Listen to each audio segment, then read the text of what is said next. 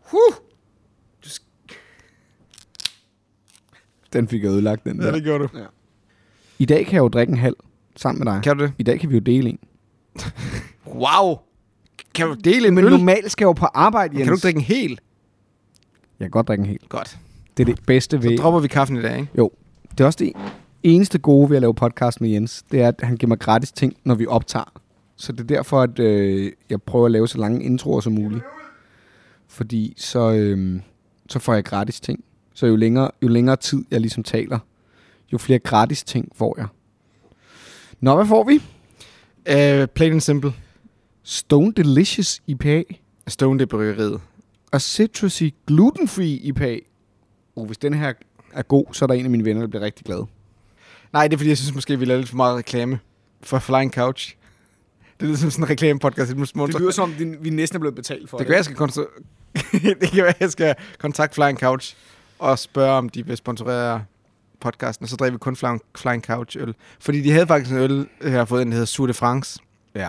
Og det synes jeg var passende at drikke i dag. Ja. Men nu, jeg kunne ikke lade den være, nu har jeg smagt den, så jeg gider ikke drikke den igen. Det er en, og jeg er ikke så vild med sur øl Nej. en gang imellem. Men så, så derfor har du valgt en citrusøl nu? Også. Nå, nej, det er en IPA jo, bare med lidt citrus. Skål, skål. Den er altså god. Meget bitter. Og det er du ikke så meget til, måske? Jo, jo. Jeg kan godt lide den. Og så er den glutenfri. Og det er jo ikke alle øl, der er det. Nej, langt fra. Præcis. På sin vis, så får vi nogle gange nogle, nogle gæster, der spørger efter en glutenfri øl. Ja. Ja. Så jeg burde indskrive det på ølvæggen, når de er glutenfri. Det skal Problemet var, at jeg har bare lagt mærke til, når jeg skriver, at de er glutenfri, så sælger de mindre. Fordi alle dem, der ikke har noget mod gluten, de tror, okay, men så er man gået på, gået på kompromis med et eller andet, for Ja. at gøre den glutenfri. Så jeg vil hellere have en der, fordi jeg har ikke noget problem med gluten. Men, det, tror, det, er men en folk, effekt- der har et problem med gluten, tror du så ikke, at de spørger alligevel? Altså, at, Jo, jo, men min Ja. ja. ansatte kan jo ikke, ved jo ikke lige præcis, hvilket der er gluten, fordi de hele tiden får ny øl. Så de skal jo gå og kigge på dåsen og så videre, og det er jo ikke sikkert, at vi har nogen, og så skal de, altså, det har vi ikke tid så til at skal du stå lave og- et lille stykke papir, hvor du skriver Men glutenfri jeg øl. køber en kasse af gangen, og så er den men væk, så- ikke? Jo, jo. Og, men så er det måske ikke det store problem at få dem solgt. Nej, nej. Du skal altid have en glutenfri øl på lager. Jens. Ja, fordi Fordi som jeg det- altid skal have en alkoholfri en, ikke? Men det skal du bare. Der kommer der et business advice fra Christoffer Helmut, the master of business, til dig. Business of ice. Du skal simpelthen have en glutenfri og en alkoholfri, og det må ikke være den samme. Man kan ikke snyde på Nå, den nej, måde. nej, nej. nej. Men du skal faktisk have en glutenfri alkoholfri øl. Så vand. Findes det? Glutenfri, alkoholfri. Ja. 100 procent. Fedt. Selvfølgelig gør det det. Ja. Men for at tale noget med helt andet, så overvejede jeg faktisk, at øh, der er sådan en øh, ting med, at man i show notes, altså i, i noterne, eller Kan- kan, jeg kalder ja. ja. det show notes, men beskrivelsen af en episode, skriver, hvilket spil man snakker om. Ja. Og det har jeg tænkt, er det ikke lige meget? Altså, Ja. jeg, jeg, jeg har, jeg har vel aldrig- Men, men nu har du glemt, i hvilken episode vi snakker om. et spil. Præcis. Så for min egen skyld, tror jeg faktisk, jeg vil begynde at skrive ned, hvad er det for nogle brætspil, vi citerer, så jeg kan huske, i episode 7 eller 5, en meget god idé. der snakkede vi om det der. en meget så det god vil jeg prøve. Ja, Ja. god idé. Og så kan folk jo så scrolle ind forbi det her Ja. ja. og sige, her starter Ja. ja. intro, intro, intro medleyen, eller det, måske, jinglen. måske skulle vi bare altid have et, et watermark på, hvornår at intromedlinen kører. Præcis. Fordi så kan, så, kan folk, så kan folk, hvis de ikke vil høre om ting, der ikke er brætspilsrelevante, så kan de bare spole, spole hen til det. Ja. Og med det vil jeg sige, øh, men grund det jeg kan sige, det er, at for nogle episoder siden, og det kommer så ikke, selvfølgelig ikke til at være en, øh, en note det her, men der snakker du om, at du var utilfreds med mine titler til episoderne. Ja, de er blevet meget bedre jo, siden, Er de det? siden den snak. For nu har Ja. jeg bare kopieret Shut 'em Sit Down og lavet sådan nogle sådan noget, lidt ordspil på de forskellige brætspil, vi Og er, diskuterer. og er jeg så let, altså det du spørger om, er jeg så let, at jeg det er bliver bare det, du vil tilfredsstillet af det? Ja, det er bare det, jeg vil have. Fint. Jeg vil gerne bare have let tilgængeligt, lidt halvsjovt, pånrelateret titelshit. Så vil jeg sige, med det i mente, Ja. ja. så er du velkommen til at komme med input, hvad der Jamen, det, gør, mig, det gør jeg jo ikke. Jo. Nej, det det gør du ved du ikke. godt. Nej. Det er jo sådan, altså på den måde, Du kan øh, kun på, kritisere. på den måde hjælper jeg jo ikke. Det vil jo være at misbruge mit talent. Godt.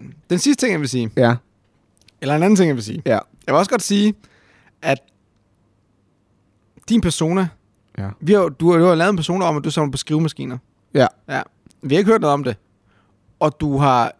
Fra, I første, allerførste episode 0, der havde du skrivemaskinen-noter med. Ja. Og så her forleden, så sad du fucking og kiggede på din telefon. Ja. ja. Der havde jeg ikke fået skrevet ned på skrivemaskinen. Du har det stadigvæk ikke. Nej, Hvor er, din, Jeg ved hvor er godt. de udskrevede noter? Altså, hvad, Okay, okay, er det, er det jeg ikke, vil gerne- altså, jeg jeg vil vil du er gerne- nødt til at være lidt professionel her. Ja, jeg vil gerne øh, et Jeg elsker at skrive på skrivemaskiner. Det der bare er, det er, når man lige har lidt travlt, så er det bare dog, det er mere besværligt at skrive på en skrivemaskine. Jeg siger det bare. Det er ikke... Du har ferie. Jo, men jeg har jo lavet alt muligt i min ferie, ikke? Nå, men gode nyheder til skrivemaskinsfansene, der har ventet, siden jeg sagde, at jeg klart kommer til at snakke meget om skrivemaskiner. Jeg får to nye skrivemaskiner lige om lidt. Nej! Der er simpelthen en af mine gode kollegaer og venner, har simpelthen øh, har, sku, har skulle sælge noget svigerfamilies hus op i Nordsverige. Og s- svigerfaren var så journalist, Uh, det bliver spændende, det her, kan jeg allerede høre. og den øh, og en journalist i sine helt unge dage, da mm. han var en, en ældre mm. eller en yngre herre. Og der fandt han simpelthen to velbevarede skrivemaskiner, som enten bare skulle på lossepladsen eller gik til nogen, der kunne lide skrivemaskiner. Og så tænkte han på mig og ringede til mig. Ej. Så nu får jeg en rejseskrivemaskine og en faktisk en ikke-rejseskrivemaskine. Og som det, jeg er det, du, det er det, du øh, efterspurgte Ja. jo. At, Altså, den er så, den, den er så en nyere, øh, hvad det hedder, stationær skrivemaskine, men den er virkelig flot. det er ikke en Underwood. Nej, det er ikke sådan, det er ikke sådan præ, præ, præ. Prøv at se mig, der er name dropper. Ja, præcis. Skrivemaskinemærker. Men det, der er den virkelig fede ved det her, er, at det er med svensk tastatur. Så det er, du ved, A med de to prikker over, og O med de to prikker over. Hvorfor så nu er det har jeg, fordi jeg skriver på et engelsk tastatur lige nu. Nå. Så nu har jeg mulighed for også at skrive med et svensk E og et svensk Ø. Okay. Kan man få danske? Det kan man godt. Jeg har også en, der er bendansk. Okay, okay trods alt. Men det, men det er jo fedt at have forskellige. Altså, jeg har jo været okay. tæt Okay. på på et tidspunkt at købe en med et arabisk tastatur. Fordi en skrivemaskine med et arabisk tastatur, synes jeg også var lidt sejt. på en eller anden Skriver den så modsat, eller hvad? måde. Nej, det tror jeg ikke. Det ved Det har jeg slet ikke tænkt over. Altså fra højre mod Who venstre? knows? Så, Så nu skal de have et flot, et flot sted at stå, og så skal jeg... ja, jamen, så jeg det kan bliver tage et billede sikkert også af den. øh, ri- rigtig, rigtig flot at have stående. Øh, men det, det, er, li- altså, det er lidt ligesom om, at der er nogen, der har ringet til dig og sagt, vi har øh, min gamle mor er død, og vi har fundet nogle gamle brætspil. Der er for eksempel... Øh, Og så smider jeg dem ud, fordi det er Oathsworn. Så Det er det, sådan, her, det, det er for meget plastik. Det er den originale Cosmic Encounter, og det er Magic Realm, for eksempel, ikke? Ja. Er Ikke det, der hedder Magic jo, Magic Realm, det er den, det er den store. Ja. Ja. Ej, jeg vil, Og jeg sådan, gerne øh, eje vil du den. have dem? Ja. Nej, jeg, kan- jeg vil rigtig gerne spille Magic Realm. jeg vil synes, sindssygt det gerne. ser så fedt jeg, ud. vil, jeg elsker, Jeg synes, jeg det ser så elsker fedt ideen ud. om Magic Realm. Altså, hvis nogen ligger inde med et, et eksemplar af Magic Realm, de vil låne eller sælge, Så vil vi rigtig gerne Så vil jeg lave en gerne- podcast om det. så vil jeg sindssygt gerne, ja, så vil vi Ja. ja. sindssygt gerne spille det med dig og ja. Ja. lave en podcast om det Ja. og købe det af dig. Ja. Jeg byder 2.000 kroner. Nej, du jeg, jeg ved slet ikke, hvad Magic Realm er Nej, det værd. skal du ikke. Jeg ved slet ikke, hvad Nej, man det skulle skal du gøre. ikke. Nej. Så... Vi får så mange tilbud nu. Det gør jeg ikke. Nej. Nej, Nej jamen, jeg ved ikke, om der er nogen i Danmark, der har Magic Jo, Realm. jo, jo, liggende. jo, jo. jo. Sælg det til ja, mig. Jo. Sælg det til mig. Jeg vil gerne have Magic Det er Realm. det fedeste for dig at have som medvært. Jeg vil gerne prøve det. Jeg kan huske, at jeg engang fandt en online-version. Det var før Tabletop Simulator, det var før Board Game Arena, det var før alting. Der fandt jeg sådan en online-version, eller sådan et DOS-program, man kunne downloade, hvor man kunne spille Magic Realm. Og jeg, jeg har kun været 13 eller 14 eller sådan noget. Og jeg kan bare huske, at jeg ikke forstod en skid, for det, det, det, det holdt slet ikke reglerne. Så man skulle ligesom selv læse reglerne, og så skulle man så spille. Og jeg prøvede bare at finde ud af, hvad det var, fordi jeg synes, det var så spændende. Spiller du, prøvede du at spille Magic Realm som 13-14-årig? Alene. Hvordan har du hørt om det? Hvad, hvad sker der? Men det var fordi, jeg havde en periode i mit Ej, du liv- er så sej, jeg, Christoffer. havde- jeg, havde, jeg havde mål på livet. jeg, hvor er så, gik- fuck, du er verdens bedste medvært. Du er så fucking sej, jeg havde, altså. jeg havde en periode i mit liv. Jeg, jeg har altid spillet meget computer. Og det er jeg faktisk stoppet med nu, fordi at jeg har fundet ud af, at øh, brætspil er meget federe. Præcis. Men det, men det, der gik op for mig, var, at eller, men da jeg var barn, øh, elskede jeg computer. Og det er sådan, jeg har lært, at, lært engelsk. Altså, jeg har lært engelsk. Jeg kunne engelsk meget tidligt i mit liv, fordi jeg spillede meget computer. Det er der sikkert mange i min generation, der kan. Men det, der Det- var, det- det, det er var, at en dag fandt jeg en hjemmeside, der jeg sad på min gamle computer, som ikke kunne køre det nye spil. For det var ikke sådan, vi var ikke, jeg, var, jeg, er ikke, jeg kommer ikke fra et, et sted med penge. Men så fandt jeg en hjemmeside, der hed theunderdogs.com eller sådan noget, som havde nærmest alle gamle spil. Altså det, som GOG er nu, det havde de bare. Mm. Mm. Nok halvulovligt. Noget af det var kun shareware. Noget af det var... Så jeg er, jeg har, er, altså jeg har kammet mig selv. Kammet mig selv? Altså taget en kam. Jeg har taget en tætte kam igennem alt på The Underdogs hjemmeside.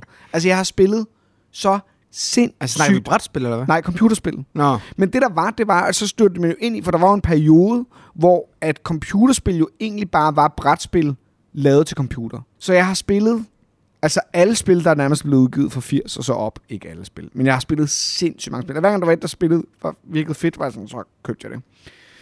Men du prøvede Magic Realm, Jeg prøvede Magic Realm som 14-årig på min, på min gamle men du kom ikke rigtig i gang med det. det var virkelig besværligt, ja. Ja. for jeg skulle finde reglerne, og reglerne lå så inde i sådan et DOS-dokument, og så skulle man ind, og så skulle man læse reglerne fra et DOS-dokument. Ja. Ja. Altså fra sådan et, øh, nej, Ja. ja. DOC-dokument. Nå, ja. Du ved, de der gamle, hvor det står med Et doc-dokument. Altså. Ja, sådan, Word? te- nej, tekstdokument. T-E-X-T. Nå, ja, okay. Ja. Ja. Så skulle man læse reglerne til Magicum der. Du har været på ferie på ferieøerne. Jeg har været på Færøerne. Mm. Det er det smukkeste sted, jeg i mit liv nogensinde har været. Så er det sagt. Det var fuldstændig vanvittigt. Åbenbart havde vi så også historisk godt vejr på Færøerne, da vi var der. Det er vanvittigt. Jeg vil foreslå, jeg vil anbefale alle at tage til Færøerne, medmindre man absolut insisterer på at få varme, for det får man ikke på Færøerne. Heller ikke med det vejr, I havde. Nej, nej, 11 grader. Hold da kæft. Ja. Seriøst midt om sommeren, når Ja, ja, ja, solen ja. skinner. Ja, og det var godt vejr. Altså alle ja, Ja, ja. ja. færingerne sagde til os, vi har aldrig været heldigere, end vi er lige nu. Den ene, vi var der.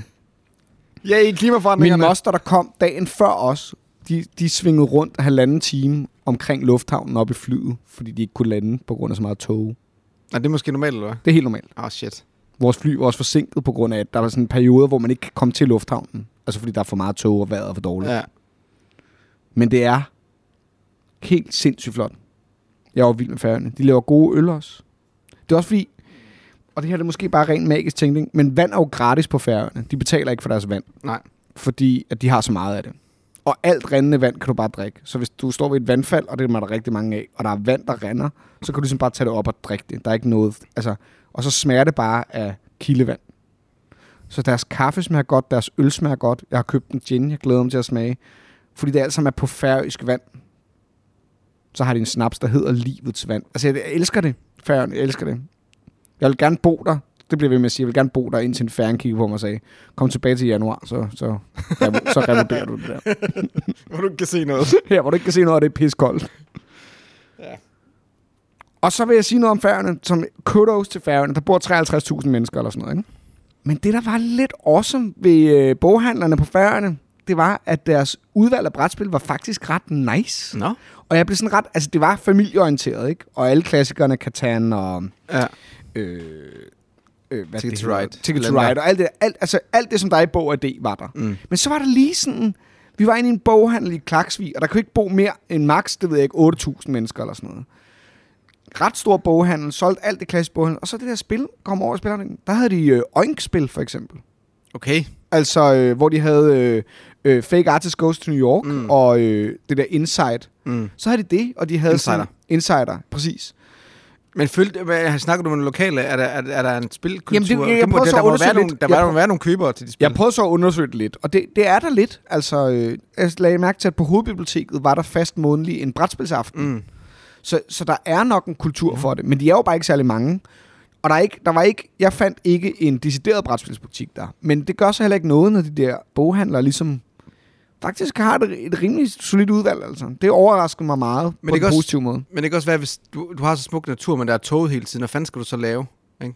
Du kan ikke, altså, du kan godt gå Jamen, ud, men, du, men du, så kan du sidde indenfor og spille brætspil. Det er genialt. Det er et genialt sted på den måde. Nice. Så det har jeg lavet. Jeg er jo caféejer. Ja. Så min ferie er bestået af besøg på Vorbergs Marked. Ja. Og øh, en tur til Circus Sumarum. Også fedt. Det var det faktisk ikke. Var det ikke fedt? Nej, jeg synes virkelig, det var dårligt. Åh, oh, ærgerligt. Gud, jeg var skuffet.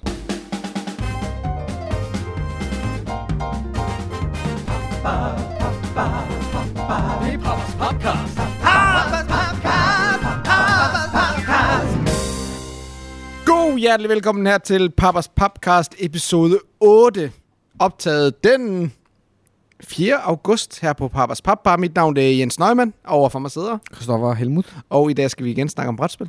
Ja, nu hvor vi snakker om cirka alt andet, så skal vi nu endelig snakke om brætspil. Har du noget imod vores lange uh, introer? Fordi Ja. ja. du kommenterer på det hver gang. Ja, men dem havde jeg. Gør du det? Nej. Jeg er egentlig ligeglad. For, okay. Øh, nej, nej, jeg tror bare, jeg oplevede, at, øhm, at når, vi går lidt mere, når vi kommer lidt mere hurtigt ind til kernen af noget, så er det bedre. Er det det? Jeg tror, det er det, jeg synes. Okay. Men derfor synes jeg stadig, man skal snakke om, at jeg har været på Færøerne, for eksempel. Så det var det, det du jo, fordi der var, en, der var en brætspilsvinkling. Det er, bare, det er fordi, vi begge to er rigtig, rigtig gode til at, synes jeg, egentlig både være ret præcise, men også meget øh, grundige i, når vi snakker om noget. Og hvis vi så ender med at p- poste vores energi ind i at snakke om ting, der egentlig ikke nødvendigvis er brætspilsrelateret, så kan jeg egentlig godt forstå, at nogen står af.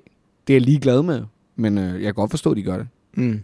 Men jeg tror også, altså jeg, jeg vil sige, jeg er også udtømt nu. Så for min skyld kan vi godt stoppe, og så sige, det er episode 8. Ja. Episoden, der ikke handler om brætspil, ud over dem, der er på færøerne. Jeg har brugt al min energi. Ja. Jeg vil gerne starte med noget. Vil du? Der er kommet nyheder.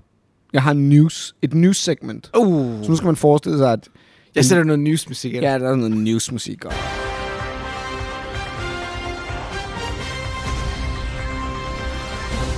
Hasbro har lige annonceret genoplivning af Heroescape.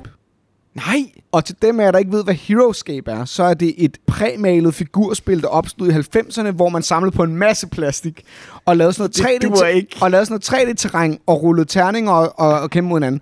Og det er jo sådan lidt, da jeg som barn, øj, hvor var jeg tæt på at købe noget Heroescape nogle gange. Men jeg gjorde det aldrig. Men har så siden hørt jo, at det var et rimelig populært system, som så døde en, en voldsom død pludseligt. Det var nok lidt for dyrt at producere, ja, tænker jeg. Det døde bare ligesom, ikke? Men nu har de annonceret et nyt masterset med en lille teaser-video, og folk er helt op at køre. Og slet det, er, ikke hørt om. og det er nogen i den competitive community, som det er lige kommet nærmest. Det er nogen i den competitive community, der er, er inde over udviklingen af det. Så et nyt masterset Heroescape genopstår. Hvis man har Heroescape i kælderen, så ring til mig. Jeg vil gerne købe noget af det. Kommer det kun på det amerikanske marked? Ligesom Jeg, jeg ved HeroQuest, intet andet end eller- det. Det var okay. det, jeg ligesom kunne finde ud af. Lige nu er det en teaser. Det, der, det man ved er, at i gamle dage kom det pre-painted, de der miniatyrer. Mm. Mm. De her er så ikke painted, Nej. men samlet. Og det der er, det er, at- at man snakker om, at det kommer til at være kompatibelt med gamle sæt. Okay. Den måde, jeg har altid set Heroescape, det er, sådan, det er lidt et lifestyle game. Ja, Fordi det er det, du, fuldstændig. du købte så meget udstyr, Ja. og du skal sådan bygge banen ja. Ja. ud af sådan noget ter- plastikterræn. Jeg gik aldrig ind i det. Jeg ved bare, at det, er sind, det var sindssygt populært. Ja. Ja. Og det har ligesom været sådan en grail-ting for mange mennesker. At det, Især i og- Amerika, ikke? Men Jo. Altså, hvis, Især Især i du, hvis man Amerika. følger amerikanske content Tom Vassel creators. Elskov for ja, ja. eksempel. øh, Men man hører sådan folk, der sådan... Ja. Ja. Jeg ved, at øh, Kobe Daug, som, som øh, ham der er CEO'en fra øh, Planet Games, der lavede Sommernords, ikke? Ja. Ja. Han har jo han har jo startet sin udviklerkarriere ved at lave ting til, til Heroescape, til Heroescape og så videre, ikke? Så det, er jo, kæm- det har jo været kæmpestort i USA. Også fordi det var så modellært. Og, og, Ja, og, præcis. og de havde så mange IP's på et tidspunkt, så Ja. ja. du kunne have alle mulige øh, Batman, der kæmper mod øh, He-Man, der kæmper mod... Ja. Ja. Altså, de havde alt muligt gejl, ikke? Ja. Det kommer tilbage nu. for, for mig at se, har det altid været sådan lidt, den, at Duel of Age 2 har været lidt i den samme boldgade. Det er lidt samme tanke jo, Ja, hvor hvor, du har jeg de her tror, figurer, der løber rundt og... hvor Duel of Age 2 bare er et meget mere besværligt spil jo. Men, øh, Ja. ja. men meget bedre. Mm. Altså, jeg kommer ikke til at købe det, også Nej, fordi heller Nej, ikke altså, mig. det, er jo, det er jo sådan noget plastikhelvede, ikke? Altså, og jeg, øh, hvis de smider det på Kickstarter, jeg kunne ikke forestille mig, at de, hvis de, hvis de vil udvide det så meget... Ej, det, nej, jeg tror ikke, jeg ved ikke Hasbro på her Kickstarter, kunne jeg heller ikke forestille Det ved mig. jeg ikke. De starter bare med at have annonceret det her masterset, Ja. ja. der hedder sådan noget Age of et eller andet. Ja. Jeg ved ikke mere om det end det, og det er også helt nyt, at det er kommet frem. Så folk også kommer det på Kickstarter, og folk snakker også meget om, hvordan bliver kosten, altså hvor dyrt kommer det ja. til Ja. at blive. For mig er det, det, det er det der lifestyle game, ikke? hvor du Jo. skal, virkelig skal bruge lang tid på, også fordi du skal sætte det op og så videre. Ikke? Og du Jo. skal have en masse, jo mere du har, desto bedre er det. Ikke? Ja, præcis. Og det går imod min øh, klimabevidsthed. Det kan jeg nu bruge som sådan et udtryk, podcasten baseret på sidste episode. Ikke? At det kan jeg jo nu bruge. At det går imod din klimabevidsthed. Ja. Om at Jo, men man kan sige, Nå. hvis du så kun samler på det, så er det jo nok, altså... Det minder om sådan, sådan en tid, hvor man bare sådan lidt i den der... Det er sådan en naiv teenager-tid, hvor man har for meget tid. Forstår du, hvad jeg mener? Ja, ikke? ja. Så kan vi fandme gå op i... Altså, præcis. det Præcis. var også for mig, var Blood Bowl det samme, ikke? Jo, altså, jo, så kan vi fandme... præcis. Lad os lave en liga, mand. Vi kan sgu da bare spille efter er det. skole, fordi hvad fanden skal vi ellers lave, ikke? Og, Altså, to- og tøjfaktoren er jo også stor Ja. ja. i Heroescape, ikke? Ja. Ja. fordi det ser, jo, det ser jo ret imponerende ud ja. fra sådan et tøjfaktor-perspektiv, men det er jo også drager og Ja. ja. dumrid, og, altså det er jo sådan... Det er jo den der blanding mellem at være et lege, stykke legetøj og et spil, ikke? Men spillet skulle så være ret sjovt, har jeg hørt, selvom balancen skulle være helt af mm. til. Ja. Det bringer mig også med tilbage, hvorfor jeg går rundt til at være så vild med brætspil som hobby. I forhold til at være voksen og have et voksenliv og ansvar og børn og så videre. Det er jo det der med, at du har en contained box Ja. med underholdning, ikke? Jo. Og du behøver ikke alt muligt andet. Altså, du har bare den her kasse, åbner den, spiller det, så pakker det sammen igen, så er det færdigt, ikke? Jo. Og alle de her lifestyle games, de kræver bare så meget mere. Det er derfor, jeg ikke dyrker dem. Det er klart, men, altså, men man kan så sige, fordi du tiden er har jo ikke så til det. rigtig mange bokse med contained Nå, jo, jo, jo. Så på den Hvis man måde, går op i det. Ja, ja. underholdningsmæssigt er det jo, er der jo ikke nogen forskel på, om du bruger dine 10.000 på Magic Kort, eller dine 10.000 på... Jeg snakker slet ikke om, om den monetære øh, Nej. øh, udgift. Jeg snakker udelukkende om, hvad du skal ud og spille. ja. ja. igen, vi snakker om det tidligere, hvor- da vi lavede vores var det top 10 i forhold til det der med, hvad skal, hvad, for at få mest muligt ud af Magic, så skal du dykke ned i det. For at få Ja. mest, u- mest muligt ud af Heroescape, så skal du dykke ned i det. Og det er der, jeg plejer at stå af. Altså, Jeg har det sådan, alle spil, som får en reel kompetitiv scene, det er der, det bliver svært for mig at være med. Det synes jeg peger lidt på, at der er et lifestyle-element i det, ikke? åh, det er en interessant diskussion, du, det er derfor, øh, jeg du ikke bringer spiller, op det på er derfor, banen. jeg ikke spiller skak. Ja. Men når jeg ser lifestyle game, så øh, og det, jeg synes, det er to forskellige ting. For mig er lifestyle game bare mere det der med, den tid, du skal bruge på spillet, bare for at, at, at, at få- få en form for payoff i forhold til den investering, du har lagt i det. Ja, men det Det Hvor jeg vil hænger- sige, at du, et skak kan du godt købe, og så kan du bare hygge dig med en, der er samme, hvad hedder det, Det det er er klart. level som dig. Det forstår jeg godt. Ikke? Hvor, hvor et spil som Arkham Horror The Card Game, eller Euroscape, og Ja. ja. alle de her spil, for at få mest ud af det, så skal du købe mere, du skal have mere, og du skal bruge mere tid på det, før du når derhen, hvor det virkelig bliver fedt. Ja. Selvfølgelig skal der være, altså før du overhovedet går i gang med det, skal der være noget, der griber dig, ikke? Men altså, Jo, men det er du det, skal jeg jo, mener, du men en skal del jo af- gå ind i deep end. Ja, men en del af det, at det bliver virkelig fedt, er jo ja. også, Ja. at du bliver bedre til spillet. Altså, forstår du, hvad jeg mener? Ja, Altså, ja. det må jo være en del af... Men nu kender jeg ikke Heroescape nok. Klart. Men jeg vil rigtig gerne snakke om det der med, med når spil så begynder at blive sådan, hvad var det, du kaldte det? Konkurrence. Når det bliver... Når det får en kompetitiv scene... Ja, Altså, jeg troede jo, da jeg startede med at spille Keyforge, hvor, der, hvor vi lærte hinanden at kende, at der var- der havde jeg endelig fundet et spil, hvor jeg, fors- hvor jeg følte, jeg havde lyst til at være en del af et semi-kompetitivt miljø, ikke? Fordi jeg havde prøvet Magic, og det gad jeg ikke, for jeg gad ikke at holde mig opdateret. Men meget hurtigt viste det sig jo, at det det havde alle de samme faldgrupper, som jeg ikke kan lide ved kompetitivt spil, som er, at jeg skal dedikere så meget tid til det spil. Og ja. det er Ja. derfor, jeg tror, kompetitiv, altså rigtig kompetitiv spil og lifestyle games hænger sammen for mig. Fordi at... Øh, når spil hele tiden udvikler nye mekanismer, og hele tiden udvikler nye, og hele tiden altså bare giver dig nye muligheder for at bruge penge, så kræver det ligesom også en vis, et, et, at du på en eller anden måde, føler jeg, skal have en energi, der har lyst til at blive kompetent i de nye ting. Mm. Mm. Så det hænger ligesom sammen. Jeg bliver nødt til at øve mig, jeg bliver bedre, jeg bliver nødt til at bruge flere penge. nej, for mig handler det om, øh, at jeg mister motivationen i forhold til, hvad det, jeg synes, brætspil handler om. Jamen, den der samvær med venner. Men når vi begynder at konkurrere på sådan et niveau, hvor, hvor, hvor øh, det, kan, det kan godt tage overhånd i forhold til det der med at skulle vinde. Forstår du, hvad jeg mener? Jeg siger ikke, at det er derfor, man spiller competitive, øh, joiner en competitive scene. Men det begynder at blive meget konkurrencemindet i forhold til, Jo. især hvis du begynder at spille med fremmede mennesker. Og det er det, der holder mig fra kompetitive spil, det er, at jeg kan mærke, at jeg er en gruppe, og vi, vi er ret kompetitive. Det er jo ikke, fordi vi ikke går op i at vinde. Vi er jo, men det der med, at man jo altid er sådan, åh, jeg skulle ikke have gjort det, der kan jeg lige lave det om. Så vi får det mest sådan, ja, ja. Altså, det, altså der, vi, der er meget leeway i forhold til mm. Mm. at glemme en regel, gør sådan mm. Mm. Og det, der, det, er, hvor jeg kan mærke sådan, de få gange, jeg spillede Friday Night Magic, men også, øhm, og i mindre grad, klart, da jeg spillede Keyforge hernede, men jeg har også nogle gange mødt, så møder jeg jo en, som helt færre jo, gerne vil have styr på præcis, hvad der foregår, i forhold til, at der rent faktisk er noget på spil, ja. Ja. i forhold til, og, om du får change på dit dæk, i forhold til Keyforge, Ja, yeah. ja. eller om- om du vinder Friday Night Magic, og vinder, altså, men lige pludselig skal jeg sidde, så skal man sidde og diskutere, om jeg har tappet det nok grader et kort, for, at man, for at de kan se, eller altså... Ja. Jamen, jeg forstår. Jamen, jeg, det, der følger, Den mentalitet ja. følger med, fordi selvfølgelig skal man ikke til at begynde at sidde og snyde, men der er heller ikke nogen leeway, fordi hvis du snyder, og jeg kan fange dig i at snyde, så er det bedre for mig, end jeg lige siger, men selvfølgelig gør, gjorde du ikke det der med vilje. ja. Altså, og det følger med det competitive mindset, og jeg kan sagtens gå ind i det, men når jeg er færdig, så kigger jeg tilbage på det, så tænker jeg, har jeg haft det sjovt? Har jeg egentlig haft det Ja. sjovt? Nej, det har jeg faktisk ikke. Og fair nok, at nogen har det sjovt med det. Jeg gider det bare ikke. Men jeg kunne ikke sige det bedre. Altså, jeg har ikke fået nok morgenmad, kan jeg mærke, for jeg er ved at blive lidt fuld. det er også. Den er også 7,7. Du er heller ikke caféejer. Nej, det, det er det. Det sjove er, jeg, øh, jeg er gået...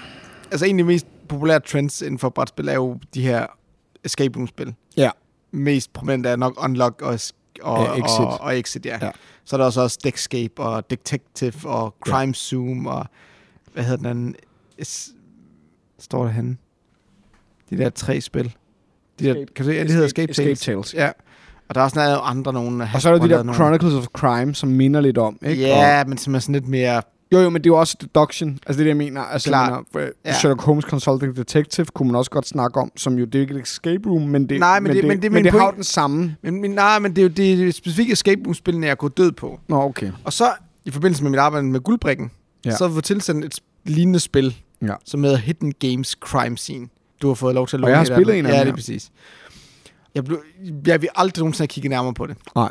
Det virker, det virker egentlig ret cheap, fordi det, det er den her, jeg vil sige, en pandemic størrelse, lidt større end pandemic størrelse æske, Ja. men meget tynd.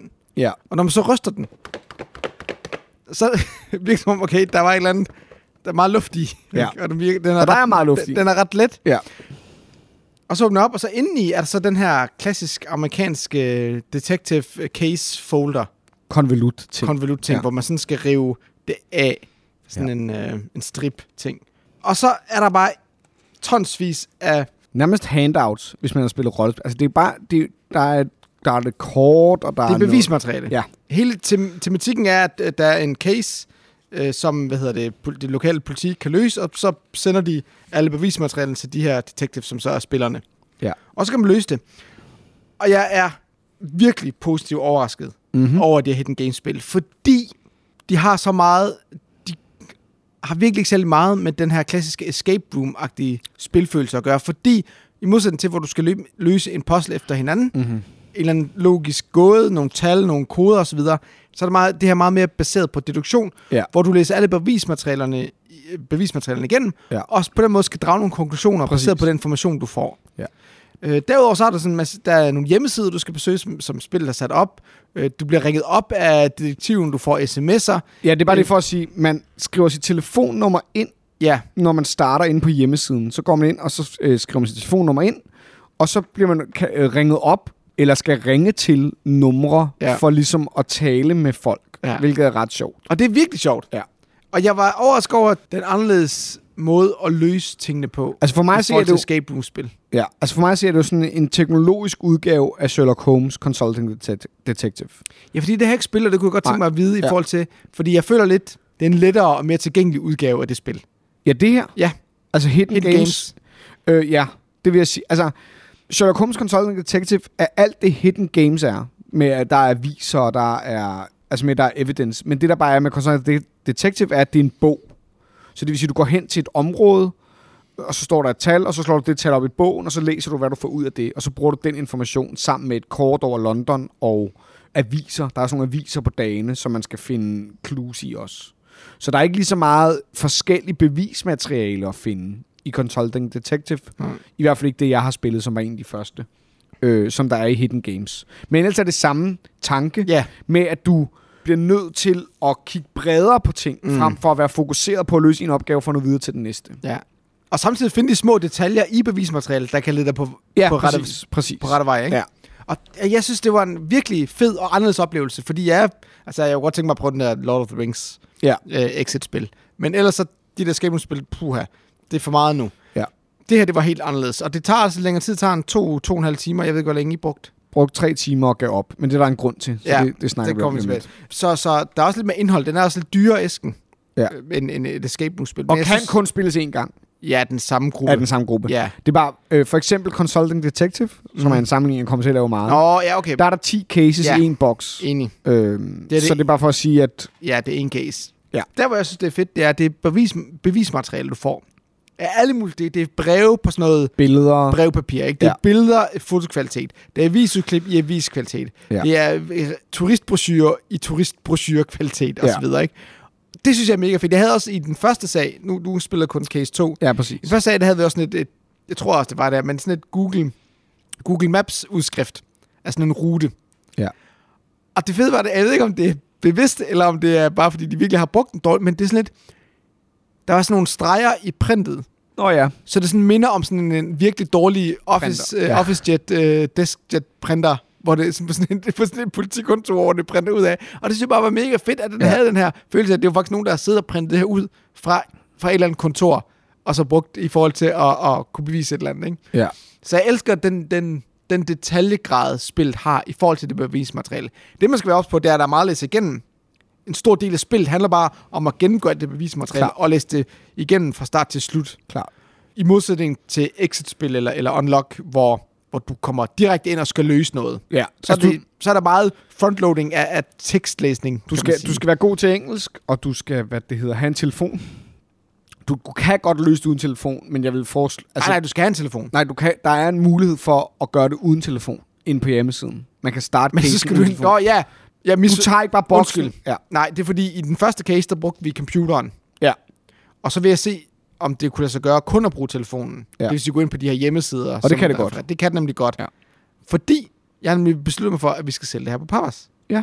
Så jeg har faktisk bestilt en kasse eller to af de her cases. Og fordi jeg synes, de kan noget andet. Ja. Ja. Vi sælger jo allerede Exit, ikke? Øhm, men jeg synes virkelig, det var, det var virkelig interessant. Jeg synes virkelig, det var sjovt, den måde, det, man interagerede med materiale på. Og, Ja. øhm, og den måde. Og det er ikke, fordi det er så svært egentlig, og det er, nogle af, af tingene er sådan lidt kitsch, og sådan lidt... Og nu, Jens, nu vil jeg gerne Nu snakke vil du om godt det. snakke. Fordi jeg ser rigtig mange krimier. Jeg læser rigtig mange krimier. Jeg synes, det er lige til den kedelige side, når det kommer til, hvad for en type sag, der du står med. Enig. Der er nogle konklusioner, der er for lette, mm. og Mhm. der er nogle stereotyper, der er for tydelige. Mm. Der er nogle ting, der er for... Gå ind på den her hjemmeside, som er sådan, at, Nå, det er sådan her. Altså, der, Ja. ja. der er noget, som bliver sådan så in your face-agtigt, ja. Ja. at det mister sin... At det mister sub, subtiliteten Mm. mm. på en eller anden måde. Ja, Ja, så ja. det bliver sådan daytime crime mere end lækker crime. Ja. Ikke? Enig. Det synes jeg... Ja, go- og så super god analyse. Så, og det tror jeg, det gør ikke noget. Og hvis man ikke elsker krimi, altså, eller hvis man, hvis man ikke er sådan en, der læser rigtig mange krimier, og ser rigtig mange krimier, så er det ikke noget problem, fordi så de arketyper, der lægger sig op af, vil man blive overrasket over og synes er sjove og sådan noget. Det er bare, hvis man har set rigtig mange krimiarketyper, så begynder man ligesom også at kunne genkende nogle mønstre, nogle krimier, og det, jeg begyndte at genkende nogle mønstre med ja. det samme. Ja, det Øh. vil jeg faktisk godt give dig ret i. Øhm, og jeg sammenligner det meget med Sherlock Holmes Consulting Detective, øh, som også har nogle problemer, som jeg måske lige vil vende. Men, men de minder om, de har den samme, det er den samme måde at spille på. Ja. Hvor jeg synes, det, at, at sagerne nogle gange er lidt mere geniale, fordi det er sådan Sherlock Holmes. Så de er lidt mere, du ved, dramatiske og lidt mere sådan, oh my god, I did not see that coming. Altså, der er lidt Men mere... deres svaghedsgrænder er så meget højere. Ja, både og. Og jeg tror, det er en svær balancegang mellem at holde det. ja, Og forstår- historien og motiverne og karaktererne er super interessante. Ja. Og samtidig Jeg forstår. gør det til at løse, ikke? Men der, hvor det også fejler lidt, og, og det er jo, der kommer jeg jo så også fra et sted, hvor jeg er skuespiller, ikke? Mm. det er, at den voice acting, der er i spillet, desværre ikke er god nok. Og jeg tror, at hvis at karaktererne havde været mere interessant, interessante fra et voice acting perspektiv, så ville jeg kunne tilgive den lette sag mere, fordi at vidnerne i det mindste var nogle spændende mennesker. Men vidnerne er ikke spændende mennesker, fordi meget hurtigt finder man ud af, at der er sådan nogle, men der er sådan nogle interviews, hvor detektiven han, han laver nogle afhøringer af Ja. ja. folk. Men man kan meget hurtigt mærke, at de her afhøringer jo bare er for at give dig information. Ja. Og det vil sige, at der ikke er noget, der er ikke noget interessant på spil. Og, Nej. og mig og min kæreste, som lavede det sammen, vi var meget hurtigt ude i nogle meget mere spændende relationer, end der endte med at være. Ja. Og det er ærgerligt. Ja. Og, og så... Jamen, det, følte, det føltes også, ja. Ja. som om man kunne tydeligt mærke, at de sad ikke i samme lokale. Ja, Der var, det, en, der der, er blev også noget med tilsendt et- klipningen. der var en, der ja. ja. sendte et manuskript og siger, du skal læse det her op og indtale det, det og det. så smider vi den, ikke? altså, jeg tror godt, at det her spil ville kunne lave nogle karakterer, der var lidt mere spændende mm. og lidt mindre tydelige i deres, nu giver jeg information, som er vigtig, altså uden at det ville blive meget sværere. Og så kunne man godt gøre bare, betal nu bare jeres skuespillere, det er mere. Øh, eller hyr rigtige skuespillere, hvis det er bare jer selv, der laver det. For der er nogle steder, hvor det var for, hvor det næsten fik den der computerkvalitet. Der var blandt andet et, øh, et pressemøde, ja, okay. som så... Øh, Jamen, Som- sad og som tænkte var- sammen lidt, what? som var decideret sådan pinligt nogle Ja. ja. steder, i sådan, hvor det bare sådan, det bliver så utroværdigt. Ja. Altså, hvor der er sådan en politidame, der ligesom skal på en eller anden præsentere. Altså, det er bare, hvor man kan mærke, når det er taget en gang, og så er I videre. Og det er ærgerligt, Ja. ja. fordi en god krimi er spændende mennesker. Ja. Og det her var bare ikke spændende ja. mennesker. Altså, min, min pointe er ikke at skulle sælge det her spil. Nej. Grunden til, at jeg faktisk gerne vil sælge det, det er, fordi jeg s- vil gerne anbefale det, for jeg synes faktisk, det er super fedt. Det er super, sjovt. sjovt. Øh, Det er super sjovt. Ja. Det er det virkelig. Jeg kan virkelig godt lide det. Også fordi det giver en anden oplevelse end, end de der escape room-spil. Ja, jeg er helt med. Det er jo det fede ved at have sin egen café, ikke? Ja. Og sælge et par spil eller et eller andet. Det er jo, jeg kan stå inden for det, jeg sælger, ikke? Ja. Og Jeg, synes, jeg synes, det var super sjovt. Jeg siger, det, det der er med Hidden Games, det, er jo det store spørgsmål med de her spil er altid, om man kan genspille dem. I den første sag, Mm-hmm. der skrev vi på tingene. Ja. Man får sådan et stort øh, fold-out, post ting med billeder af de forskellige mistænkte. Ja. Hvor man så kan skrive øh, Deres noter ned. navne på Ja. og noter på, ja. Man behøver ikke at skrive ned. Vi gjorde det ikke. For Nej, eksempel. fordi det bad jeg om ikke at gøre. Præcis. Så man kan sagtens sælge det videre, hvis man Gider det. har lyst til det, eller give det videre. Hvad, ko- hvad koster det for et spil? Jamen 199 kroner, 249 cirka. Ja, okay. Nå, men altså, et escape room-spil koster 149, ikke? Ja, altså, ja. Exit. Altså, og det er, Konsolerne det er det, flere, det koster 400, ikke? For 10 sager. men det er så bare en meget mere snæver målgruppe. Ja. Nej, jamen, b- både og. Jeg synes, det er den samme målgruppe, som dem, du prøver at sælge det der spil til. Synes du det? Det synes jeg overhovedet ikke. Det her det er meget mere let tilgængeligt, og er meget mere... Altså, jeg, jeg har virkelig snakket om folk, der står fuldstændig på Sherlock Holmes Consulting Detective. Det Men som så har spillet det der og tænkt, Ja. ja. det var for fedt. fordi det, det er simpelthen sådan, okay, jeg giver simpelthen op. Nu læser jeg bare de her cases, fordi jeg synes, cases er interessante, men det er simpelthen for svært. Okay, jamen, det går godt være med sværhedsgrad. Jeg har også kun spillet to på Consulting Detective. Det, jeg synes, det, det giver ved... at Det er jo det samme med... Øh, der er også nogen, der gemmer exit-spil, når de spiller det. Ja. Og formår at ikke at ødelægge tingene. Jeg forstår ikke rigtig, hvordan. Og så Men- men, sælger dem videre, eller hvad? Ja, lige præcis. Og det er jo, synes jeg egentlig, altså på sådan en Ja, ja. bæredygtig måde, det er jo meget fedt. Men jeg synes, at man får den fulde oplevelse af at vi kunne skrive, altså Klar. man Klar. kommer med ind i stemningen af at kunne skrive noter ned på de her ting, som spillet, hvad kan man sige, giver en, ikke? Og hvis du er fire mennesker til 199, så er den 50'er per person, ikke? Klart, Og klart. så en god øl, og så, og så gør man det. Altså det, Ja. hvis jeg ikke havde fået at vide, Ja. ja. at jeg ikke måtte skrive på det, så havde jeg skrevet på Ja. ja. det. Altså selvfølgelig. Mm. Du vil gerne sige, Jamen, jeg vil gerne sammenligne det med øh, Sherlock Holmes Consult- Consulting Detective. Der er en væsentlig forskel på de to spil, som måske faktisk også er det, der beskriver sværhedsgraden. Det er jo, at i Consulting Detective, der er de spørgsmål, du skal svare på, får Mhm. du først at vide, når du beslutter dig for at sige, du vil løse sagen. Hvor her er det det første, du møder. Ja. Så for eksempel i den her case 2, og det kan jeg sige helt ærligt, for det står så jo bag på pakken, mm. der f- en af spørgsmålene er, hvor skal det øh, hemmelige møde tage, finde sted? Så ved jeg allerede som spiller, inden jeg går i gang, jeg skal lede efter noget, der peger på et hemmeligt møde. Hvor Ja. ja. i Consulting Detective, der får du ikke noget at vide, ud over det, som den, der kommer med sagen til dig, har givet dig information, som kan være sandt eller falsk, alt efter hvem personen er. Og det tror jeg måske gør en kæmpe forskel sværhedsgradsmæssigt. Mm. Plus, at fordi det her er en standalone box, så i den standalone box, der er der jo et stykke avis, som du ved kun har noget med den sag at gøre. Hvor i Consulting Detective, der skal du kigge på alle aviser op til den dato. Og det vil sige, der kan være noget i den første avis, der henviser til den 8. sag. Mm. Så på den måde er, er nettet øh, mere loose i Ja. ja. Consulting Detective. Så jeg forstår ja. godt, at sværhedsgraden er voldsommere. Plus, og det er et problem, Consulting Detective har, hvis man skal lave en sammenligning mellem de to, det er, at øh, nogle af de spørgsmål, du så bliver stillet, og nogle af de konklusioner, du skal lave, findes ikke rigtigt. Altså, det er, sådan, det, det er, noget, det er nogle bullshit-konklusioner. Til sidst står der altid en beskrivelse af, hvordan Sherlock Holmes gjorde det. Ja. Og det er altid sådan noget fuldstændig åndssvagt. altså, som, som du sådan, så man skal ikke spille det for den score, man skal spille det for oplevelsen. Ja. Og det er det samme med det at spille, man skal spille det for oplevelsen. Ja. Og det er, det er en sindssygt god måde at bruge nogle timer på. Der er noget fantastisk i at åbne en konvolut, hælde en masse materiale ud, og så bare begynde at sortere Ja. i det. Og begynde at finde ud af, man begynder meget hurtigt at dele arbejdsbyrder op mellem sig. Ja. Og begynder at fors- øh, søge, afsøge forskellige spor. Mhm. Mm-hmm. Øh, og, hvor, og der... Nu ringer du igen. Du skal ikke tage den. Du tager den ud i køkkenet. Undskyld. Vi åbner snart, så vi skal... Og, ja. nu, og Consulting Detective er, øh, er mere sådan, hvor man bliver nødt til at tage en tur sammen og se, hvad den anden læser, og man bliver nødt til ligesom at læse. Altså, det er mere øh, linært på den måde i sin, Ja. ja. i sin actionform. Jeg ved ikke, hvordan det er at være detektiv. Nej. Men jeg følte mig som en detektiv Ja. i spillet. Det forstår jeg godt. Mere end jeg følte mig som nogen som helst karakter eller rolle i et escape room-spil. Ja. Der følte jeg bare, at det var de her puzzles, ikke? For, fordelen ved de her escape room-spil, det er, at du hele tiden får feedback på, hvordan det går. Ja. Du sådan får hele tiden en eller anden, øh, et svar på, Nå, men nu har I løst den her gåde, nu går I videre til næste, Ja. ikke?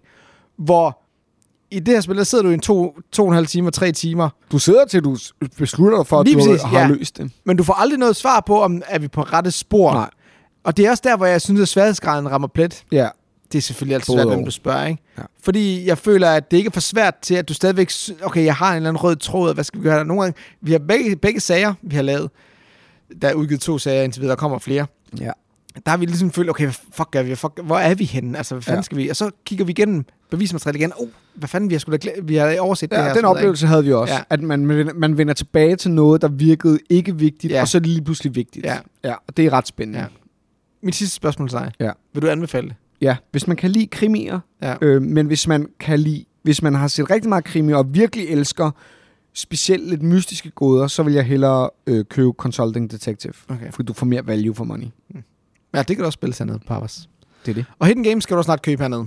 Nu skal jeg ikke lade mig lave reklame, men det var, jeg synes bare, det er så fedt. At, Jeg synes, øh, den type spil, Consulting Detective og øh, Hidden Games, er sjovere end de der escape room-spil på bræt.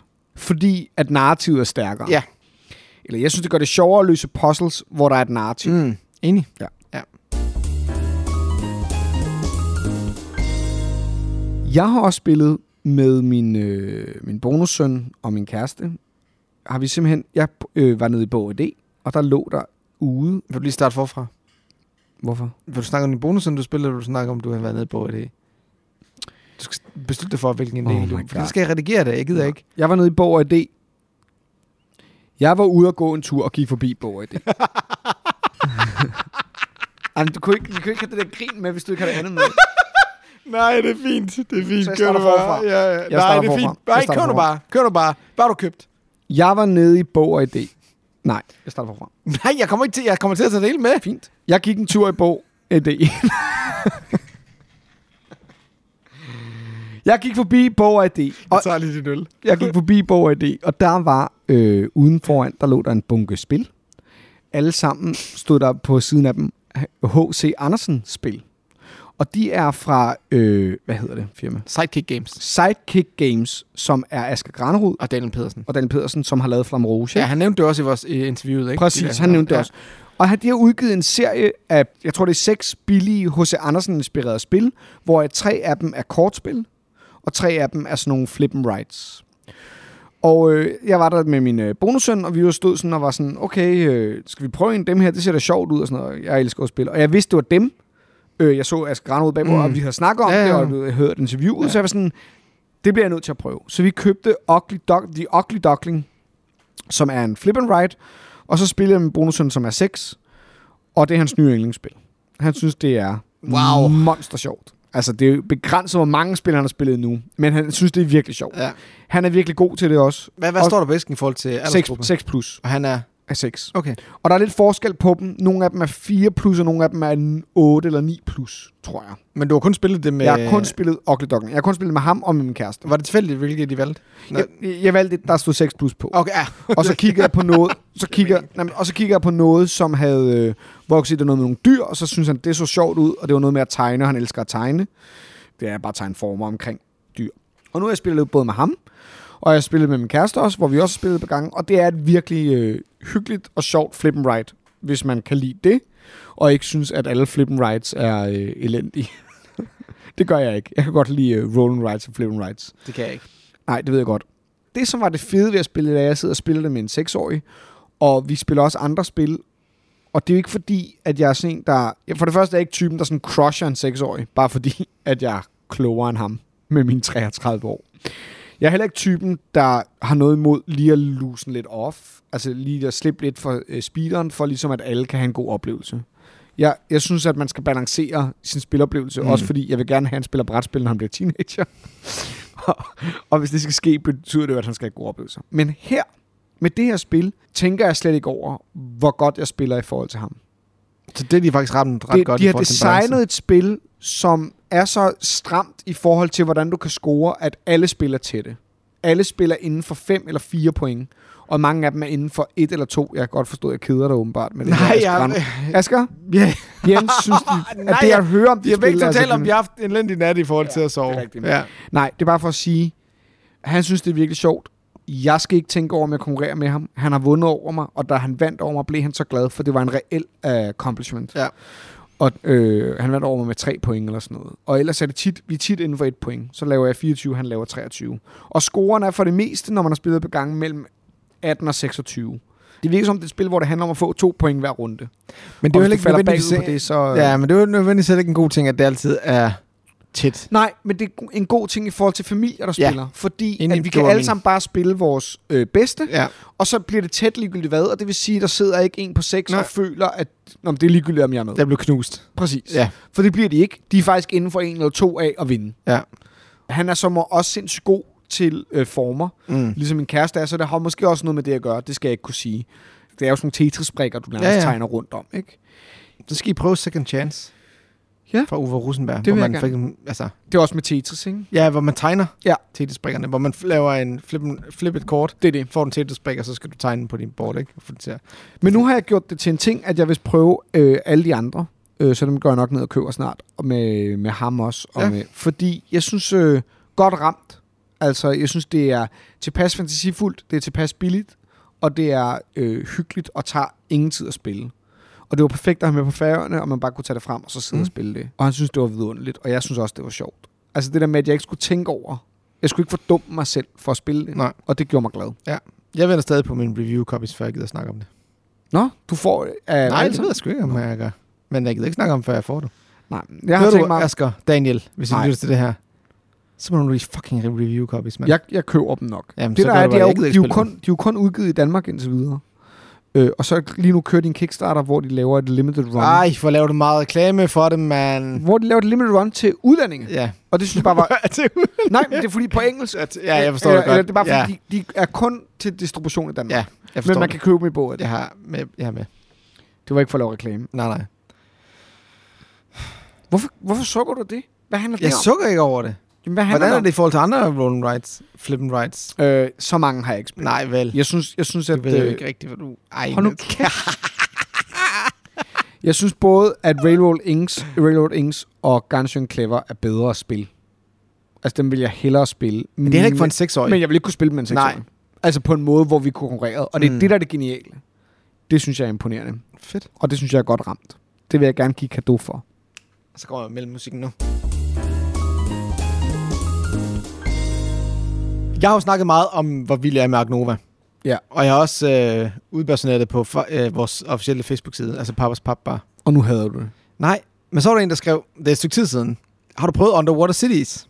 Ja. Og jeg har jo altid været typen, der ikke bryder mig om de her øh, head-down øh, multiplayer solitaire Eurogames. Så Ja. selvfølgelig har jeg ikke prøvet Underwater Cities. Nej. Fordi det er dem. Og det kan jeg ikke sige nu, fordi nu har jeg prøvet Agnova. Jeg elsker Agnova. Nu bliver du nødt til at Så prøve nu bliver jeg andre nødt til at World prøve det. Og der var der en, der så skriver, du skal prøve Underwater Cities. Det kan være, du kan lide det, når du kan lide Agnova. Okay, fedt. Series. Ja. Ja. Det ligger, jeg tror, top 50 på Board Game Geek. Som du går op i helt vildt. Nå, men Nej, det var strengt sagt. Det er bare... det Jeg- siger bare noget om kvaliteten af spil. Ugly Dog Synes ligger jeg. nummer to. På min egen Board Game Geek. Det er direkte ind på den top 10. Nej. Nå, men forstår du, hvad jeg mener? Det er et Eurogame, der, der kan lidt mere end bare at leve i et par måneder, og så øh, forsvinde ud i Klart. glemmelsen. Ja. Ja. Glem, glemslen. Glemmelsen. Glemmelsen. Ja. Men her skal man jo strategisere rigtig Ja. ja. meget. Strategisere, når jeg... Nej, så jeg købte øh, Underwater Cities, Ja. som blev udgivet i 2018 og designet af Vladimir Suchi, som også har lavet andre s- meget kendte Eurogames, som for eksempel, øh, jeg tror, han er mest kendt for Pulsar hvad er det, 2849, tror jeg det er. Ja. Og så har han lavet Messina 1347, han har en eller anden ting med årstal. Og så det her Last Will, som er sådan et worker placement spil, hvor det handler om at komme af med alle sine penge. Ja. Og det er selvfølgelig ud af, da jeg fik det der, nu det er et worker placement spil. Ja, som du elsker. Jeg synes, worker placement er en super doven og alt for brugt øh, mekanisme til at distribuere ressourcer. Jeg synes, at Agricola er godt, men det er også fordi, det har sådan nogle virkelig interessant kort. Øh, Men det er fordi, det også er et hand kombospil. management. Det er et kombospil blandet ind i et worker placement spil. Det ved jeg ikke, om det er. Om lidt, ikke? Jeg synes bare, at den der med alle de der kort, det er interessant. Ja. Og grund til, at jeg blev- fik anbefalet Ar- øh, Underwater Cities. det er fordi, der også er alle mulige kort. Okay. Så hele ideen i spillet, det er, at du, skal, øh, du har hver der din playerboard, hvor du skal bygge byer og lave infrastruktur i den her undervandsby. Ja. Og gøre det bedre modstand for at score flest mulige point. Klart. Okay? Og så har du sådan et, et, et mainboard med... Jeg har kun spillet det to personer. Hvor du har, hvad hedder det, 12 worker placement spaces. Ja. Og de er hver delt op i tre forskellige områder, i tre forskellige farver. Ja. Så fire spaces i hver farve, er du med? Mm-hmm. Godt. Så er der en bunke af kort med i spillet, som du trækker i løbet af spillet. Hver, runde, hver gang du har taget, placeret en worker, så trækker du et nyt kort. Mm-hmm. Mhm. Nyt kort, nyt kort. De her kort kommer også i de samme tre forskellige farver. Og det betyder, at hver gang du spiller en worker, så skal du også spille et kort. Hvis det er i den samme farve, så får du lov til at aktivere kortet. Hvis ikke det er i den samme farve, skal du bare discard det. Og trække okay. et nyt. Okay. Så hele, øh, hvad kan man sige, posten i spillet, det er, at du gerne vil placere en worker, som matcher et af de kort, du gerne vil spilles farve. Klart. Så du skal hele tiden vurdere, vil jeg hellere have kortet, eller vil jeg hellere have workeren, eller kan jeg få begge ting? Ja. Altså, kan jeg bruge begge ting? Ja. til noget? Og, og sagen er den, der er nogle worker placement spots, der er, hvad hedder det, der er bedre, altså en farve, der er bedre, men hvor farven på kortet, eller de samme kort, der svarer til en farve, de er ikke helt så stærke. Så er det balanceret ud mod hinanden. Ja. ja. Så du står oprigtigt nogle gange i dilemmaet med, vil jeg have det her kort, eller vil jeg have det der space? For jeg kan ikke få begge ting. Ja. Det sagde mig ingen skid. Nej. Det sagde mig ikke en skid, Nej. desværre. Og jeg tror, jeg har, jeg har prøvet at analysere mig frem til, hvorfor øh, Underwater Cities overhovedet ikke gør det for mig. Fordi man kan sige, at Nova er også den her multiplayer solitaire spil, hvor du sidder og placerer dyr. Men det, der er med Agnova, og det jeg godt kan lide, det er, at postlen i Agnova handler om, den, du har den her rover kort, som du skifter rundt med, ikke? Mm-hmm. og du skal finde ud af, hvilket kort du vil spille og så videre. Lidt ligesom i universitetet skal du spille kort. Men sagen er den, i Agnova, der har du, at jeg prøver at koge det helt ind til, hvad det egentlig er på min plan, der har du én ressource. Ja. Du bruger penge til at spille de her dyr, betalt for de her dyr, og så får du victory points med det samme. Ja.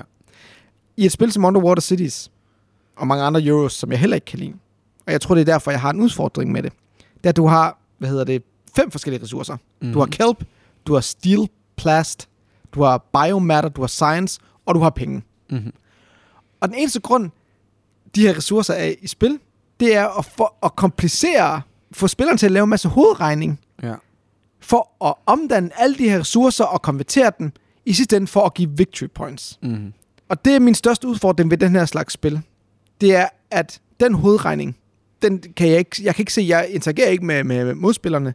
Det starter en masse AP, fordi jeg skal sidde og lave de her beregninger. Og jeg føler lidt, at, ligesom, at, at det interessante i spillet i forhold til mine øh, motivationer, i forhold til point, den forsvinder ligesom, fordi jeg skal lave alle de her mellemregninger, som jeg overhovedet ikke kan se værdien af. Det er som om ligesom, skelettet er tilbage, og så bliver det bare aritmetik Mm. hvor jeg skal sidde og få mest muligt ud af de her ressourcer, og for- hvordan kan jeg kombinere dem, og hvordan kan jeg konvertere dem Mm. mm. i sidste ende, så de giver victory points. Mm. Mm-hmm. Hvor jeg synes, der er meget di- mere direkte linje fra ressourcer til victory points i Agnova. Mm. Mm. Du spiller bare et dyr, du får appeal, bum. Ja. Hvorfor, hvorfor, hvorfor, er, Hvor- Agrico, hvor- hvorfor er Agricola anderledes? Hvor un- Underwater Cities laver alle mulige forskellige, hvad kan man sige, hoops og, og Det er det. krumspring. hvorfor, er Fuck. Agricola, hvorfor er Agricola anderledes? Grunden til, at jeg tror, at jeg bedre kan lide Agricola, det er simpelthen, fordi de her kort er så betydningsfulde. Ja. Altså, b- udover at, at workplace-delen er mere intens og mere øh, konkurrencepræget, der er virkelig kamp om de enkelte spots og så videre, ikke? og der er virkelig jo. en angst i forhold til, når jeg nu det, jeg skal. Ja. Men også kortene er meget mere betydningsfulde i forhold til, at de har meget større konsekvens. Ja. Der er virkelig mange kort i, i Underwater Cities, der er fuldstændig ligegyldige. Ja. Hvor det bare er sådan en ressource. Du får bare sådan instant en ressource, kortet væk. Du får lov til at lige at aktivere et eller andet lille... Altså, det er sådan nogle incremental gains, små, små bitte fordele, som du får, mm, som bare sådan lidt, okay, men det her kort har jeg jo haft 10 gange før, det er jo bare en ekstra ressource, hver gang jeg taber den. Kæft, hvor er det ligegyldigt. Du får et victory point. Ja, lige præcis. Ja, Okay, Ja. det var det mindst. Altså, Jamen, lige, Det- det er action. Ja, lige præcis. det er det, man når summen af actionen jo bare ender i, når du har 20 victory points. Så ja. det Ja. er bare sådan, når alt jeg har gjort i det her spil, det er Ja. 20 victory points. Jeg har ikke på noget tidspunkt sprunget noget i luften, eller bygget en kæmpe dæmning, eller... Ja. Ja. Fordi alle kort, der er ikke noget flavor text, der er ikke noget, der er et billede, hvis man er heldig, og så står der bare, her er en, et victory point. Det var også det, der var mit allerstørste problem med det der Empires of the North. Ja, som jeg jo så faktisk ret godt kan lide. Det er, at du har det her kæmpe tableau med utallige kort til sidst. Ja. Og sådan, jamen, så, nå, så skal man sidde og kigge på, okay, hvad fanden skal jeg aktivere først? Altså, du det, det synes sidder jeg er bare- meget og så er jeg- komboagtigt, jeg... faktisk. Ja, men så sidder jeg og aktiverer, nå, der får jeg to victory points, og så får Ja. ja. jeg et victory. Og bare sådan, men det bliver, virker så ligegyldigt. Det er så sjovt, fordi det synes jeg nemlig er sjovere end både Imperial Settlers og det der 51st State. Jeg har ikke prøvet nogen af de andre, Nej, nemlig. men, men det synes jeg er sjovere, fordi jeg synes nemlig 51st State og Imperial Settlers lider sindssygt meget af, at man hele tiden bare trækker et kort, der giver lidt ekstra victory points. Ja. Eller sådan, hvor Empire of the North, der så har du det mindste dit eget dæk, ja. Ja. som er din egen ting, okay. som Okay. du selv, hvor at civilisationerne komboer forskelligt ind i victory points. Så det, jeg ikke kan lide ved Empires of the North, det siger du det er endnu værre end to Ja, andre det synes, spil. jeg, Ja. det synes jeg. Altså sådan, ja. Ja. så at jeg spillede, det, jeg spillede hvert spil en gang, ja. og Ja. bare sådan, jeg skal ikke spille det igen. Ja, jeg tror også, du har været inde på det med den professionalisme, hvor alt skal være så balanceret, Ja. at du kan ikke lave noget, der stikker ud Nej. Nej. i en eller anden s- retning, eller, øh, eller giver en eller anden form for... Øh, Personlighed. ja, Eller flere. Der er no- fordi det hele skal være så balanceret og, og alt skal, være- strømlignet. alt skal være balanceret og strømlignet, og så skal det alt skal, skal sige til spillerne, den bedste er jeg vandt. Det er som man hele tiden skal pege på, den bedste er jeg vandt. Ikke den heldigste. Det ville være en katastrofe. Og jeg er sådan her, hvorfor? Fordi at held og tilfældigheder, som jo er en menneskelig konstant, er en del af min spiloplevelse. Ja. Alle andre steder i verden, der er det også den heldigste, der vinder. Hvis du ikke kan dele med, at du taber på grund af held, så er der sådan noget grundlæggende, du ikke forstår ved at være menneske. Jeg elsker den lyde. Det, det er derfor, du er fucking Og min det, er for, medvært. og det er forfærdeligt, Men det er det er derfor- forfærdeligt sagt, men det er bare fordi, Nej, men nu har jeg, jeg lige forstår, hvad du spillet, mener. jeg har lige spillet Blood Bowl Ja. igen, ikke? og det er bare det samme. Mm. Det er, hvorfor laver, designer vi ikke flere spil som Blood Bowl? Mm. Mm. Jeg synes, det er pinligt. Men det er det, mit største problem er med Underwater Cities. Ja. Der er ikke nok tilfældighed. Det er bare sådan en engine, der, der kører dig ud af. Og det er ikke med nok, små- og, og, og, og med tilfældighed, der er det ikke nok det der med, jo, men det er jo forskelligt, hvilke kort, der kommer op. Det er ikke nok. Stop. der er så også alle mulige regler i Underwater Cities, der gør, at, at underlige regler i forhold til, hvordan dit board skal bygges op og så videre, som ikke handler om øh, medspillerne, men handler bare om at gøre det mere besværligt. Ja. Forstår du, hvad jeg mener? Jeg tror, det er derfor, jeg elsker øhm, Food Chain Magnet. Altså fordi, at der er pengene victory points. Og det vil sige, der er kun én currency. Ja. Der er kun én leder. Der er kun én magt. Det er penge. Der er noget kynisk, forfærdeligt smukt i bare at sige, penge er victory points, og det er det, du skal bruge på dine mænd, og det er det, du skal have mere end de andre. Og alt, du gør, handler om én ting, og det er den her ressource. Mm. Og så er der mange veje derhen, Mm. men der er kun det her én ting, du skal have. Og det er det, der sker med, synes jeg, nogle af de der victory points spil, det er, at, at victory points bliver noget, du ikke gider gå efter, fordi det er ikke en spændende interaktion i spillet. Mm. Men det kræver, at du skal ende dig. Men, men der er ikke nogen direkte vej der, for du skal konvertere 30.000 andre ting for at ende med victory points.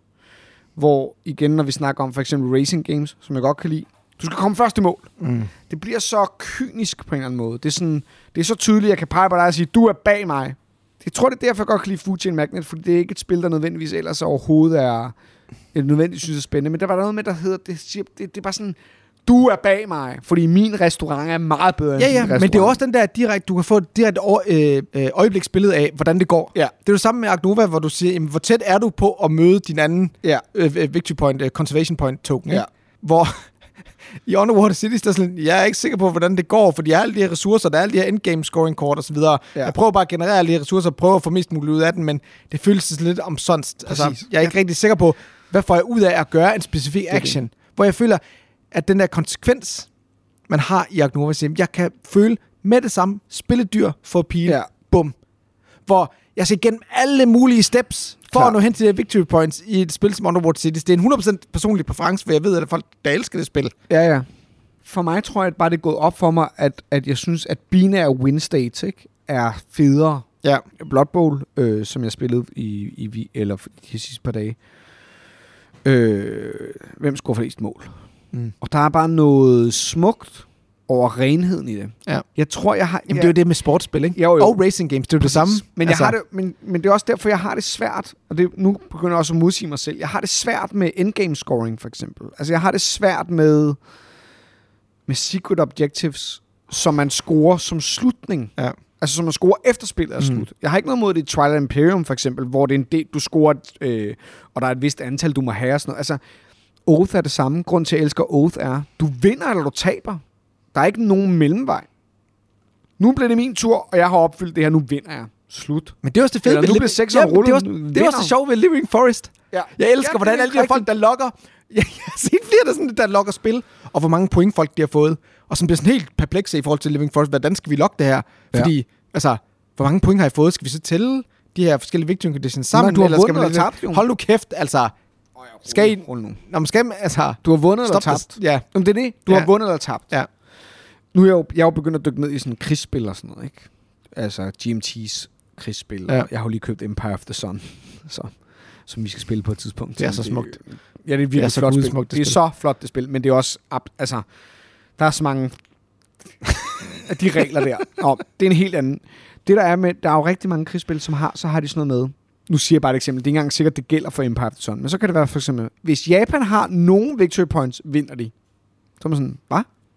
Hvis Japan har nogen victory points, så 1 eller 20, det er ligegyldigt, så vinder de. Hvordan vinder US så, hvis de har minus 5?